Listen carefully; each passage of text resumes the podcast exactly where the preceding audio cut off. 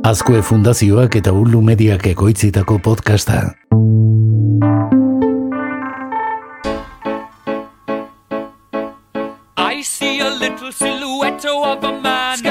Ikerketek diotenez, motibatuta dagoen ikasleak gehiago ikasten du.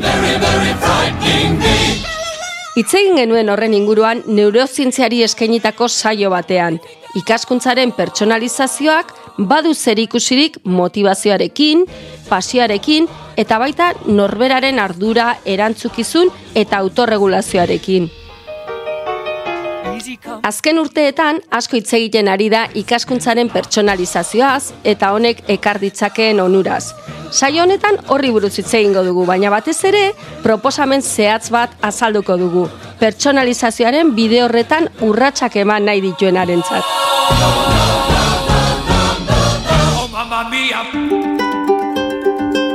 Kaixo, maite goni naiz eta hau amar minututan podcasta da. Amar minututan, maite gonirekin.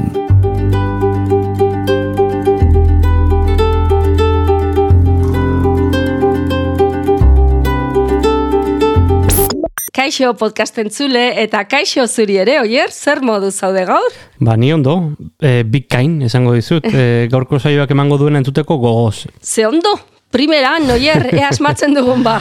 bueno, ala moduz, beti asmatzen dugu, ez? beti ikasten dugu zerbait, eta gaur ikaskuntzaren pertsonalizazioa aipatu duzu, maite? Bai, e, hori da, gaur landuko dugun gaia, oier. Hori entzun da, burua datorki dana da, ikasle bakoitza irakasle batekin lanean, baina ez dut, pentsatzen dut hori ez dela, ez da? Ke ba, ke ba, oier, ez da hori, bestela pentsatzen bat irakasle beharko genituzken.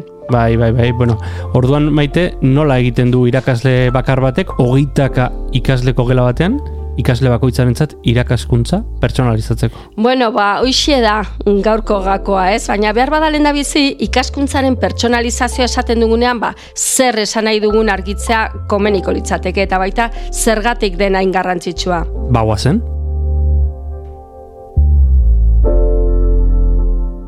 Ikasleak bere ikaskuntza sustatzen du eta aktiboki parte hartzen du bere ikaskuntzaren diseinuan. These teachers understand the truth of it. They know how powerful autonomy is and how much students seek it out in their own time in school, but don't often get it here. Ikaskuntza hori bere interes, talentu, grin eta helburuekin lotzen du. Will require us to examine how we connect our students with the concept of autonomy in education. Ikasleak bere ikaskuntzaren ardura du. Horren barruan sartzen da zer eta nola ikasi erabakitzea eta iritzia ematea. And I could point to any number of futurists and academics who are telling us right now that the future is going to be radically different than the present. Bere prestakuntza planerako helburuak eta erreferentzia puntuak identifikatzen ditu irakaslearen orientazio eta laguntzarekin. We were trying to predict what it is that you need in order to do well in the world. Eta maitzeko, prozesu hori aurrera eramateko, teknologia eta baliabide egokiak hautatzeko eta erabiltzeko gaitasunak garatzen ditu.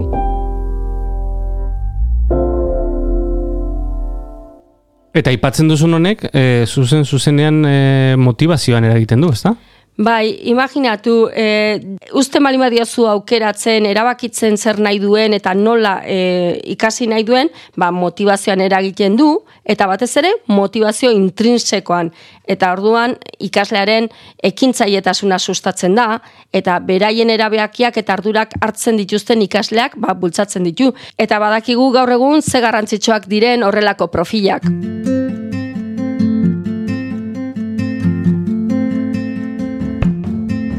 Azken batean, bizitza osorako ikasleak sustatu nahi dira, ikasten jarraitzeko grinean dutenak, ikaslei helburuak nola ipini erakusten badiezu, prozesuak nola urto erregulatu edo zer egin ataskatuta daudenean, ba, aurrerago hori aplikatu izango duten ikasleak sustatzen ari zara. Alegia, arazoak ebazten jakingo duten ikasleak, ez arazo jakin baten aurrean emaitza espezifiko bat ikasten dutenak. We talked to Jamie and we were interviewing him about what he did in Google what he was trying to create and invent.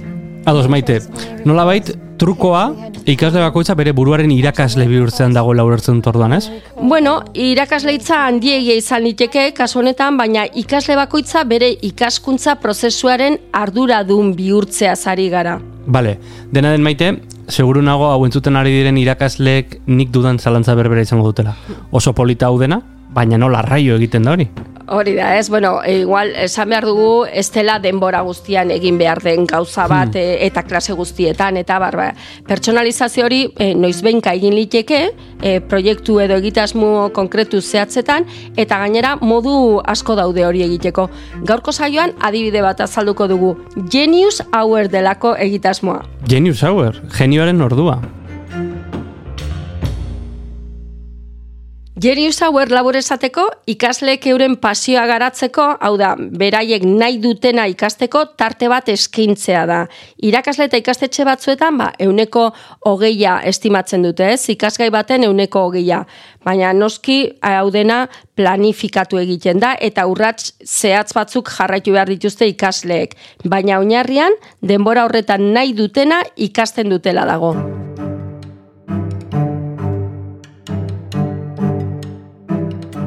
Tira, eta metodologikoki zer dago honen atzean, maite?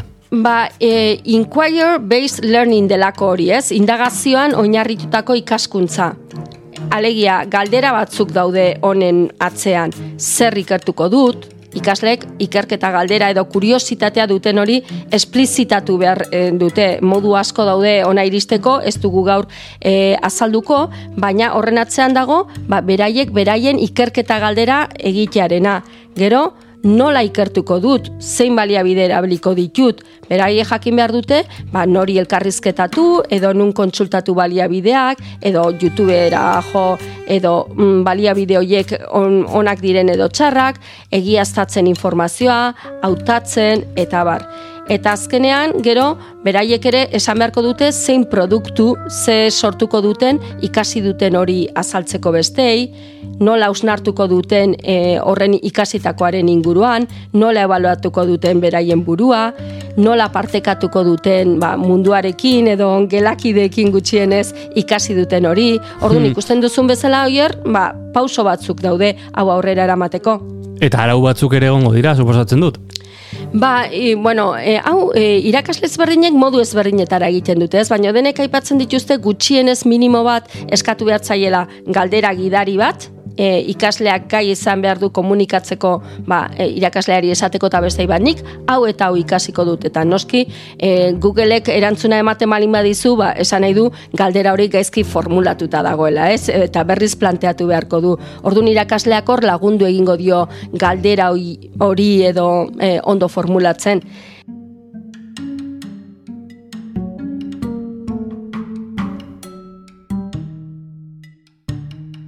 Bigarrena, ikerketa izango litzateke.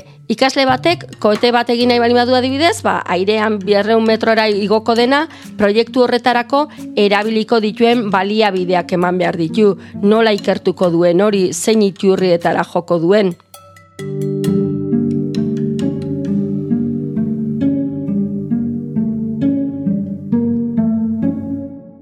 Beste gauza garrantzitsu bada proiektua partekatu egin behar dutela. Orduan, idealki proiektua gielakidekin ez ezik, ba, munduarekin ez badakigu irakasleok audientzia, benetako audientzia baten aurrean, ba, ikaslek askoze gehiago alegintzen direla. Eta noski teknologiak ba, asko lagunduko du prozesuaren fase guztietan, ba, adibidez lankidetzan aritzeko, hau askotan aipatu dugu saio honetan, edo bestelakoak produktuak ekoizteko, eta bar.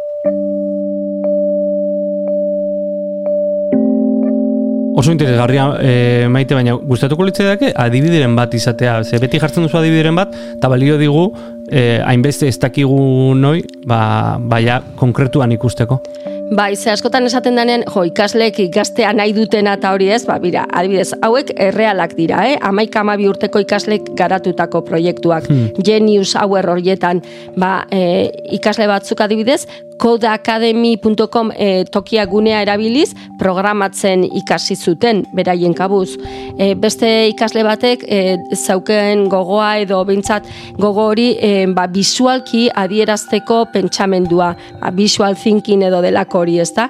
Eta marrazki trebetasunak garatzeko gogoa zuen, ba, otxoi buruzko marrazki liburu bat sortu zuen eta konpartitu zuen gero ba, gelakidekin eta besteekin, edo beste batek e, ba, webgune bat sortu zuen eta bertan ba, erretzearen arriskoi buruzko kontzientziazio kanpaina bat e, sortu zuen webgune horretan.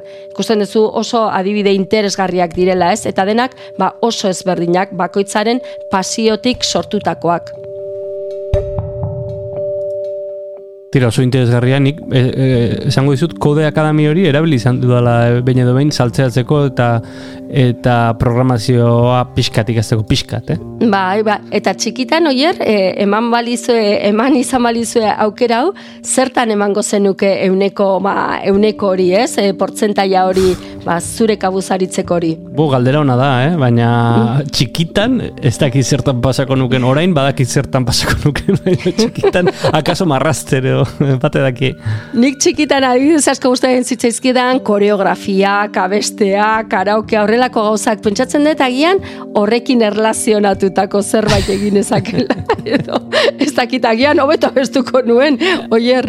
edo, edo podcastak egiten gubiok, Genius Hour. Bai, ba, e, ba, horrekin lotura du, eh, benetan, nik e, txiki txikitatik beti mikrofono izan dut, e, eta beti, eh, etxean, Bai. ez bakarrik abesteko, baizik mikrofonokin ibiltzen itzen, bestea galdetu nire anaiari, osea, Bueno, beti. eh, guk eh, ez dakigu zertan pasako genuen eh, eh, gure Genius hau, baina tira, eh, posgarria da ikustea orain badagoela aukera hortarako, ez? Bai, bai, bai, niri e, ezinbesteko iruditzen zaizkit horrelako gauzak ez, eta gainera, esan duguna ez, ematen du aukera, ba, ikusteko, deskubritzeko ikasle bakoitzaren atzean zer dagoen, ez, e, ikusten dira gauza oso oso, errealitate oso ezberdinak, orduan da, ematea, ba, pixka bat, ba, berak barruan duen hori garatzeko aukera bat eskolan bertan, ez, eta eskolako orduetan.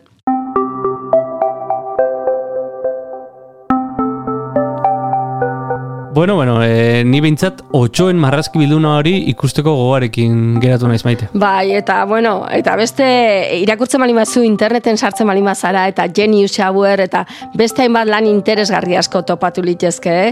Ikasleak motibatu eta aukerak ematen zaizkienean, ba, ba edo zer egiteko gai dira eta niri gustauko litzaidake pila bat ikustea aurpegi horiek, ez? Ikasleen aurpegi horiek ba gozatzen ari direnean ikasketarekin, ez da beti gertatzen. Ez da beti gertatzen. Tira, Hour hau gainera mundu mailako eh, egitasmoa bada, ez da?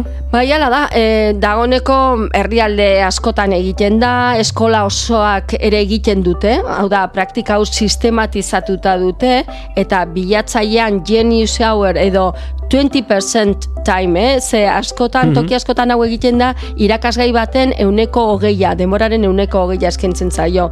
Eta orduan, ba, bueno, ari horretatik tira eginez, baliabide mordo bat topalitezke. Bueno, nahi duenak egitasmo hau abian jartzeko aitzakia gutxi dituela, beraz. Bai, oso erresa da. E, badaude plantillak, badaude egitasmoak oso ondo zehaztuta nola egin liteken, eta barrez guk egingo duguna da, ipiniko ditugu e, esteka batzuk, eta hortik ba, ari horretatik tira egiteko.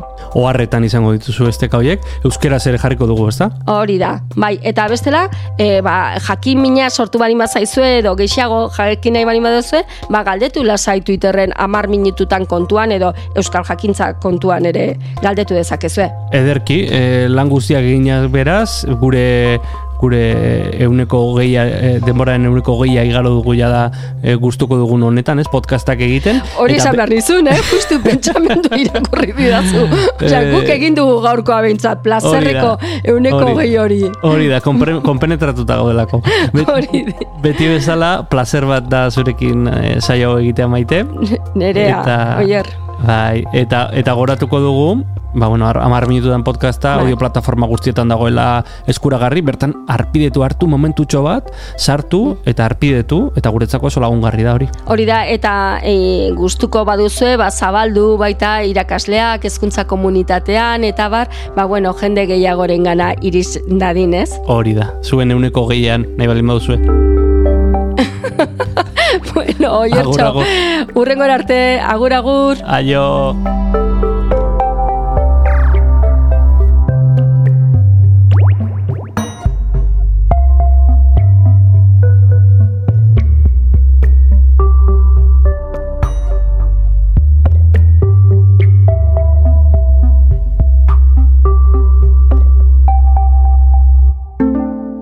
Azkoe fundazioa.